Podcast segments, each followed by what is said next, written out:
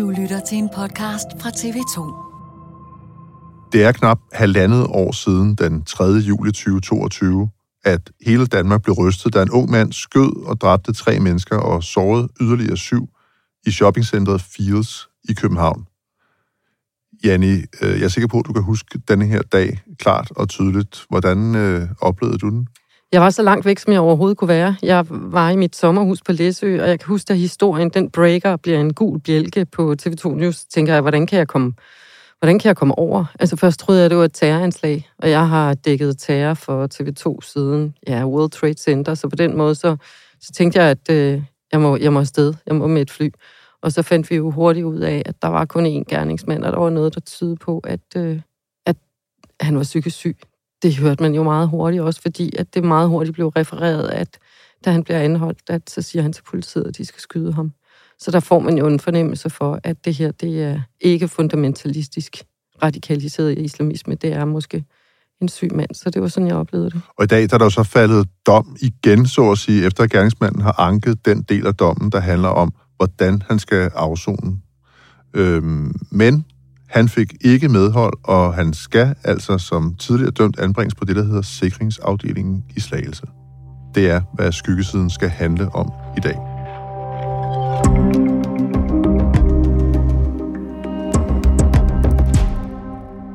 Carsten, hvad var det, han gerne ville opnå ved at anke sin, sin anbringelse? Ja, man kan vel sådan kort sige, at han vil gerne have nogle lidt lempeligere vilkår. Altså, denne her sikringsanstalt, øh, det er jo så nok øh, det, man kunne kalde den øh, hårdeste øh, institution, vi overhovedet kender herhjemme. Det er det sted, hvor man placerer de personer, som bliver vurderet til at være så farlige, øh, at de skal sidde lige præcis der, frem for på en almindelig retspsykiatrisk øh, afdeling, som måske mere minder om øh, et øh, gængs fængsel, måske. Altså, man kan sige, at på et, øh, en, retspsykiatrisk, øh, en retspsykiatrisk afdeling, der, øh, der kan man for eksempel måske gøre sig forhåbninger om på et tidspunkt at få en eller anden form for udgang eller lignende. Øh, det kan også være, at der på et tidspunkt kommer en eller anden bagkant på en straf. Så sådan i det store hele, så har han altså haft en ambition om at få en lidt lettere hverdag. Og det er jo fuldstændig rigtigt, fordi det er de 30 mest farlige, sindssyge kriminelle, der bliver anbragt på sikringsanstalten. Jeg har ikke været i den nye afdeling i Slagelse, men jeg har været på den øh, sikringsanstalt, der lå i Nykøbing Sjælland. Og det er sådan, når man kommer ind, selvfølgelig når man skal ind, vi har jo været inde og, og interviewet talsmænd i fængsler og så videre, der er jo sikkerhedsforanstaltninger, men på sikringen, der er aldrig nogen, der er stukket af derfra. Øh, der er sluser, på sådan en helt speciel måde. Der er videokameraer, hvor alt bliver overvåget. Øhm, og de er, de er meget sikret derop. Og så har man simpelthen også nogle sanktionsmuligheder på sikringsanstalten, som man ikke har på en retspsykiatrisk øh, afdeling. Og det er fuldstændig rigtigt. På en retspsykiatrisk afdeling, der kan man komme ud og få udgang. Øh, det kan man få tre timer om dagen. Det kan man ikke på samme måde på sikringen. Og hvad er det for nogle metoder, du siger, de har nogle lidt andre metoder også, de kan tage i anvendelse? For eksempel så har de øh, sådan noget øh, tvangsfixering, som man kan bruge opstående, fordi at øh, når man ligger meget ned, hvis nu man øh, bliver tvangsmedicineret, eller hvis man bliver tvangsfixeret, så øh, giver det jo nogle udfordringer i forhold til blodpropper og, og øh, liggesår og så videre. Så på sikringsanstalten, der kan man simpelthen blive tvangsfixeret, mens man er opadgående. Så kommer man jo rundt. Ja, altså, det bringer jo nogle meget specielle billeder på nethinden, hvor man tænker sådan nogen, der går som sådan nærmest nogle robotter.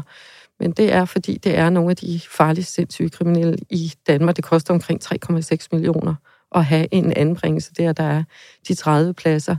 Øh, de fleste af dem sidder på det, der hedder et farlighedsdekret, og så er der 10, der sidder der, øh, fordi de har fået en decideret anbringelse på sikringsanstalten. Og jeg kan huske, da jeg var deroppe, øh, jeg måtte ikke få at vide, hvad de andre de havde begået af, af kriminalitet, hvad det var, de var kendt skyldige for. Men øh, det var nogle rigtig voldsomme sager, øh, som folk var blevet anbragt der. Det var, det var drab, og det var, det var drab på mindreårige. Så det, det var nogle voldsomme skæbner, der gik derop, men de var jo erklæret sindssyge i gerningsøjeblikket, og derfor er de straffri. Og det skal vi så vende tilbage til lidt senere. Øhm, men hver gang der er nyt i sager som denne her sag for Fields, så sidder der altså også nogle ofre, nogle pårørende derude, som får ribbet op i de traumer, de har øh, gennemlevet.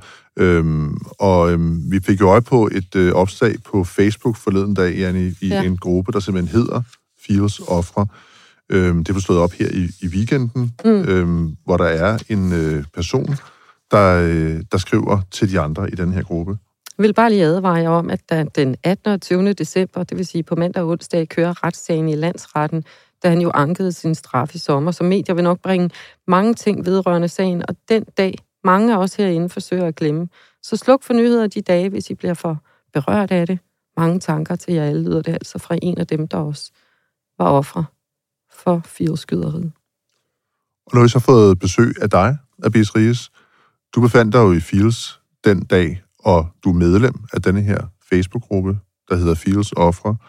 øh, og du har også set det her opslag. Hvordan reagerede du på det, da du øh, så det på Facebook? Jeg var taknemmelig for at få det at vide, fordi det vidste jeg ikke. Øhm, men øhm, siden sommeren, hvor retssagen var i gang, har jeg faktisk slukket nyhederne fra allerede der. Så ja, jeg var bare glad for, at okay, der er faktisk nogen, der fortæller det, og så er man opmærksom på det. Øhm, fordi det vækker jo mange følelser hos en, når man bliver mindet om, hvordan det var før, og hvordan man egentlig har haft det siden, og hvordan ens liv har forandret sig. Og for at forstå, hvordan dit liv har forandret sig, så skal vi måske lige skrue tiden tilbage til den dag i juli 2022. Hvor var du, og hvad skete der? Jeg var på arbejde. Jeg havde min første arbejdsdag i Only, en tøjbutik. Øhm, ja, jeg var der den dag, øh, indtil jeg så hørte folk råbe. Og det var tilfældigvis bare kvinder, der råbte. Øhm, og jeg stod helt ude ved butikken og løb ind og var lidt forvirret over, hvorfor, hvad er det, der sker. Og så vender jeg mig om, og så kan jeg se, der er nogle, en mand, der står uden for en butikken, og jeg kan se, hvad han har i hånden, og der tænker jeg bare, at jeg skal væk herfra. Øh, og på min første arbejdsdag, det eneste sted, jeg kender til, er, hvor jeg har lagt mit tøj, øh, hvor jeg har lagt min taske, og det er så derhen, jeg løber hen, hvor min kollega er allerede i gang med at prøve at åbne døren. Der er en kodelås på, og tilfældigvis får jeg den kode at vide en halv time før.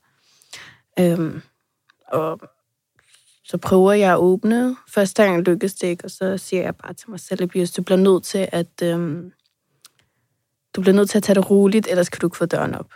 Og så endte det så med, at jeg fik døren op, og så var der nogle kunder bag ved mig, som også gerne ville ind med mig. Øh, så løb jeg ind, kæmpede mig bag et hjørne, i et hjørne, hvor der var, lå masser af pant og tøj, og måske det beskidte hjørne i det lille værelse, men jeg skulle bare væk og gemme mig. Og så kort tid efter fandt jeg også ud af, at jeg faktisk var alene. Min kollega var væk. Og på det tidspunkt troede jeg jo, at de havde løbet ud, øh, hvor gerningsmanden var. Øh, men så en uge efter blev jeg klogere på, at der faktisk var en nødudgang i butikken, som jeg ikke kendte til. Fordi det er jo ikke rigtig noget, man lægger mærke til på sin første arbejdsdag. Og så, så var jeg derinde i to timer, indtil at, øhm, jeg fik politiet til at hente os derindefra, fordi jeg ville ikke, jeg turde ikke at gå ud, og jeg ville heller ikke lade nogen af de andre gå ud, fordi at, øhm, vi vidste jo ikke, hvad, hvad der skete, og vi fik jo masser af ting at vide om, at det er terror, og øh, han er efter muslimer, og alle dem, der blev, der var rigtig mange, der var blevet dræbt. Og... Så I sad og fulgte med på nyhedsmedier, mens I ja. sad derinde? det var jo virkelig, det var virkelig hårdt. Mm. Og jeg blev også sur på de personer, der sendte Men kan du, ikke, kan du ikke forstå, at jeg sidder herinde, og vi er virkelig bange, så bare lad være med at sende noget. Um, altså, du skrev med nogen på din egen telefon derindefra? Altså, ja. Altså nogle af dem, du kender? Ja. Ja. Uh, og som, som vidste, at det her var din første arbejdsdag? Ja. ja. Uh, så det var hårdt at sidde derinde og vente. Især fordi, at øh, kunderne, de troede jo på, at jeg var jo den, der skulle få os ud, fordi at jeg arbejdede i den butik. Så du følte, du havde et ansvar? Ja, og hver gang jeg prøvede at fortælle, jamen, jeg ved faktisk ingenting. Det er min første dag. Jeg har været, har været fem timer måske, altså. Øhm, men det, det kunne de ikke rigtig forstå. Og der var også en aggressiv stemme som stadigvæk lever med mig i dag, hvor at hvis der er nogen, der bliver, hvis der er nogen, der taler lidt højt til mig, eller lige pludselig øh, siger noget, hvor jeg bliver bange, så har jeg det som om jeg er tilbage i det lille lager, hvor at der hele tiden var den stemme, der prøvede at få os ud herfra, og jamen, du skal finde nøglerne, du skal ringe til dem, du skal ringe til dem, men jeg vidste jo ingenting. Men det kunne den person ikke forstå, og øh, i sidste ende, så er det jo ikke den persons skyld heller, og det kan jeg godt forstå, fordi at den person var jo lige så bange som mig, og folk reagerer jo på forskellige måder. Øhm, men det var sådan en afmagt hos jer alle sammen, og så vil man måske gerne placere et ansvar for, hvorfor kan vi ikke komme ud, og det blev så dit. Men det bliver ved med sådan på en eller anden måde at hjemsøge dig. Ja. Ubevidst. Altså, nogle gange kan det være, at jeg bliver bange, eller bliver sådan... Min, mine følelser går i gang af en eller anden underlig grund, og så kan jeg være sådan, men hvad skete der her? Og så kommer jeg i tanke om, men det, det er nok derfor. Og i bund og grund er det egentlig dejligt for mig at vide, hvorfor det er sådan, fordi så på en eller anden måde, så har jeg det lidt bedre med, okay, der er ikke noget galt med mig, det er på grund af det. Så jeg skal Nå, men hvad er der galt med mig? Er der noget specielt eller sådan noget? Er det sådan noget, du går og tænker på? Ja, nogle gange. Når jeg får nogle forskellige følelser, så kan jeg være sådan, men hvad er der galt med mig? Hvad er der sket? Hvorfor er jeg sådan her? Hvorfor kan jeg ikke komme videre og sådan noget? Øh, ja. Så du lever stadigvæk med konsekvenserne?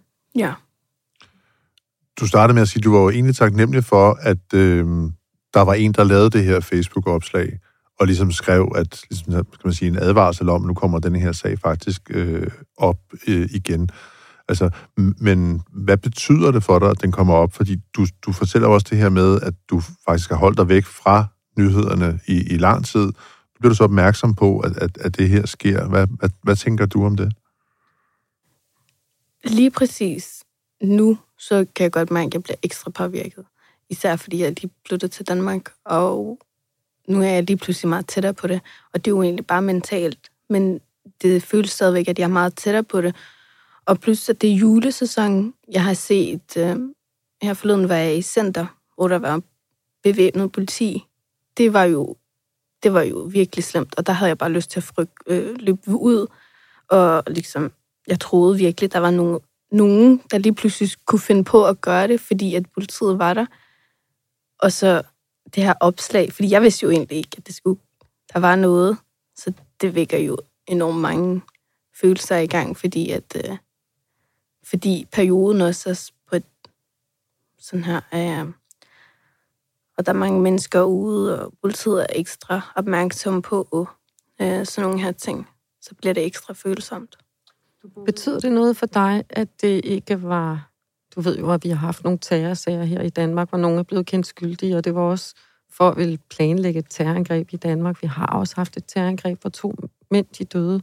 Betyder det noget for dig, at det ikke var sådan en fundamentalistisk, radikaliseret islamist, men det var en mand, som var psykisk syg i gerningsøjeblikket? Betyder det noget?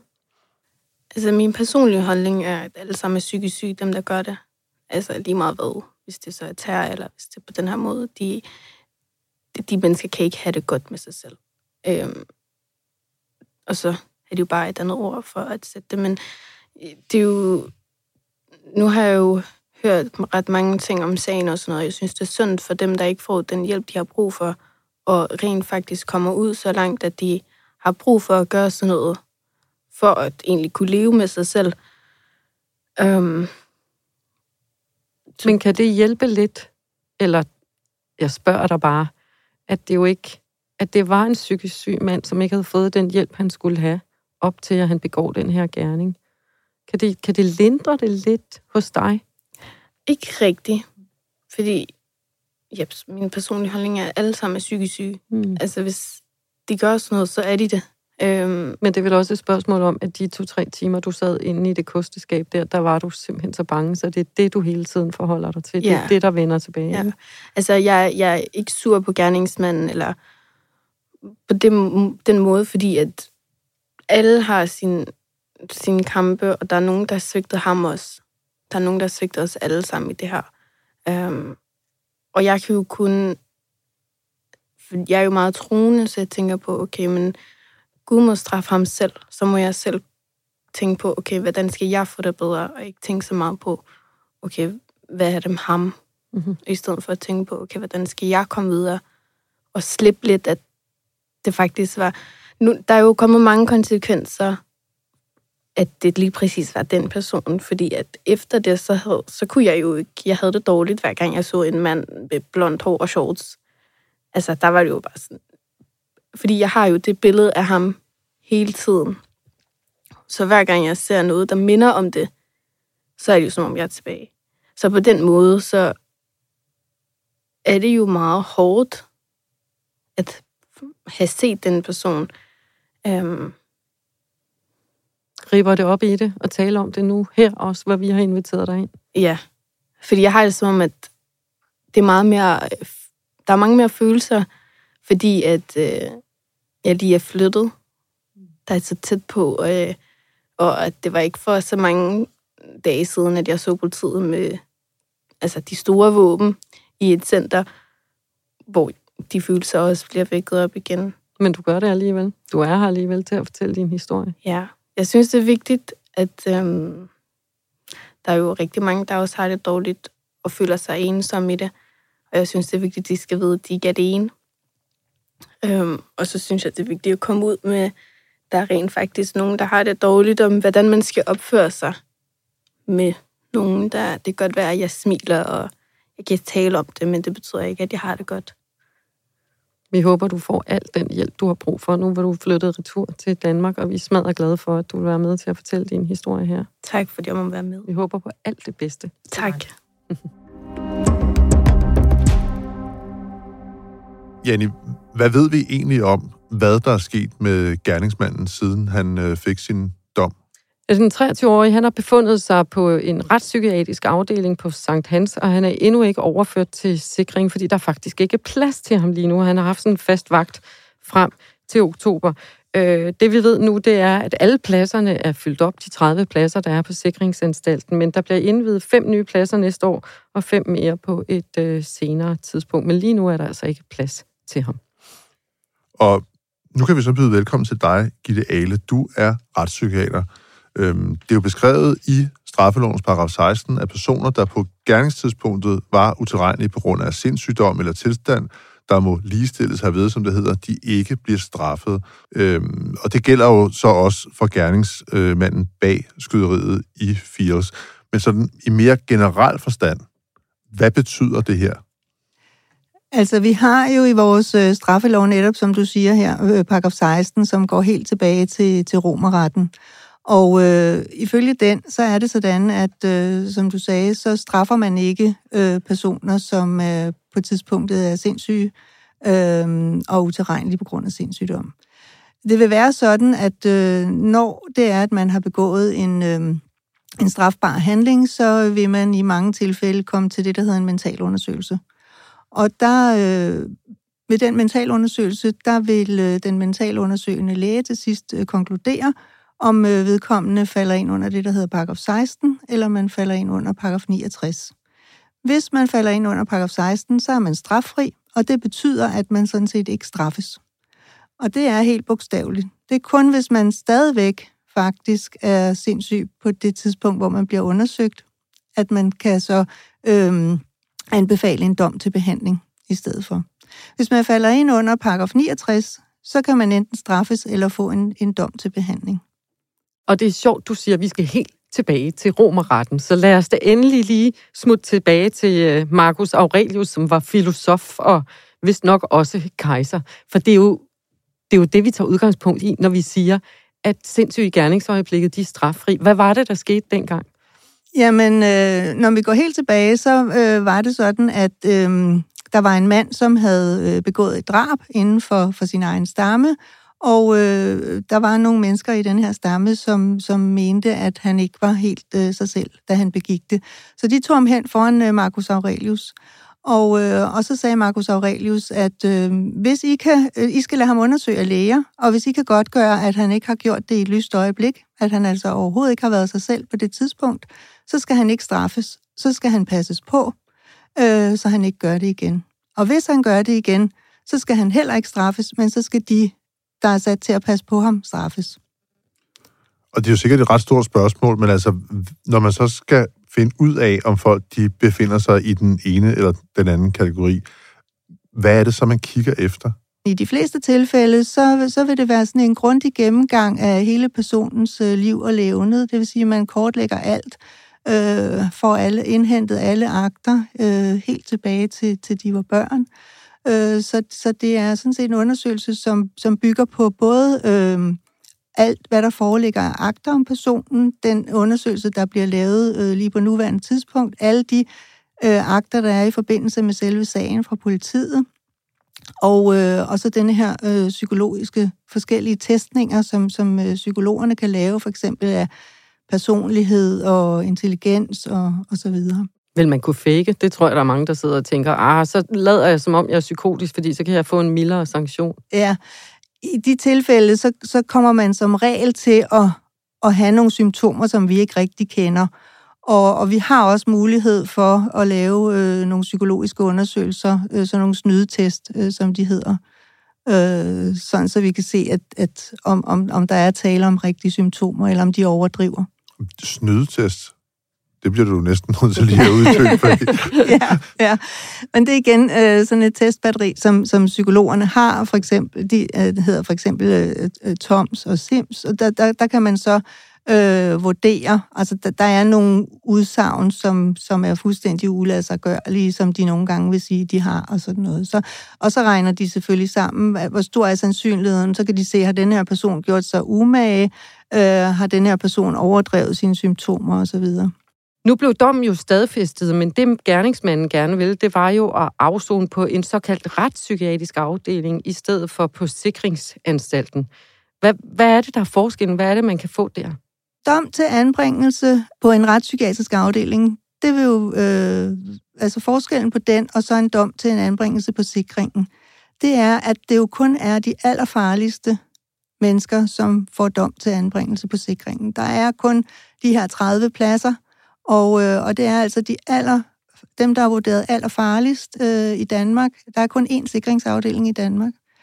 Øh, og de skal så også selvfølgelig øh, være psykotiske og have begået noget kriminelt. Der er også mulighed for at få det, der hedder et farlighedsdekret, hvis man er i et fængsel eller på en psykiatrisk afdeling, og man endelig er, enten er meget øh, flugttruet eller øh, meget farlig, så kan man også overflyttes til sikringen. Og det er jo en mere indgribende sanktion at komme på sikringsanstaltet end en retspsykiatrisk afdeling. Hvad er det, man har af beføjelser der ekstra på sikringsafdelingen? Altså på sikringen, der har man for eksempel mulighed for, for oppegående øh, fixering og aflåsning af døre. Øh, den har, øh, sikringen har muligheder i psykiatriloven, som vi ikke har på andre øh, psykiatriske afdelinger, fordi den jo skal være topsikret.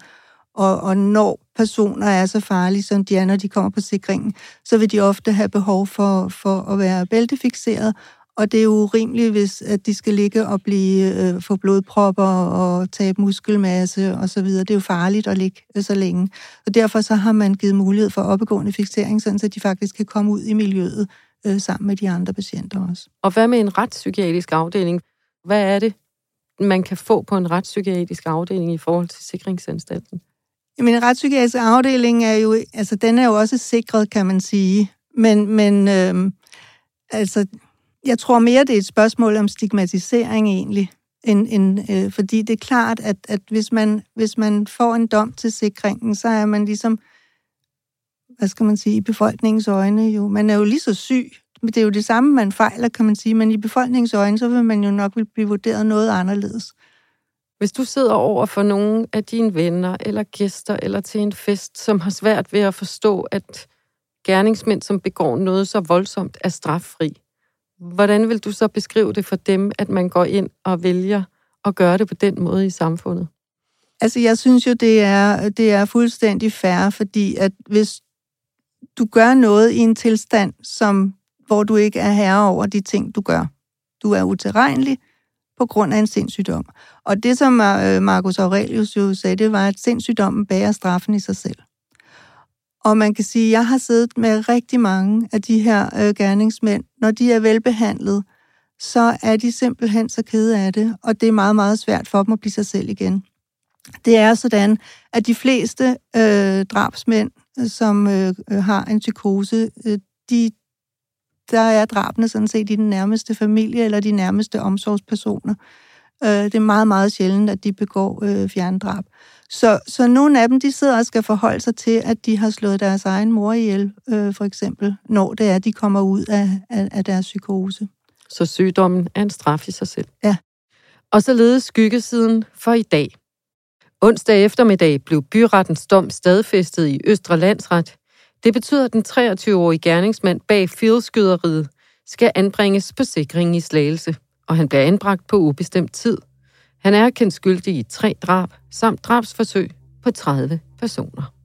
Vi hedder Janni Petersen og Carsten Norsom. Lyddesign Leo Peter Larsen og redaktør Amanda Heiberg Boberg.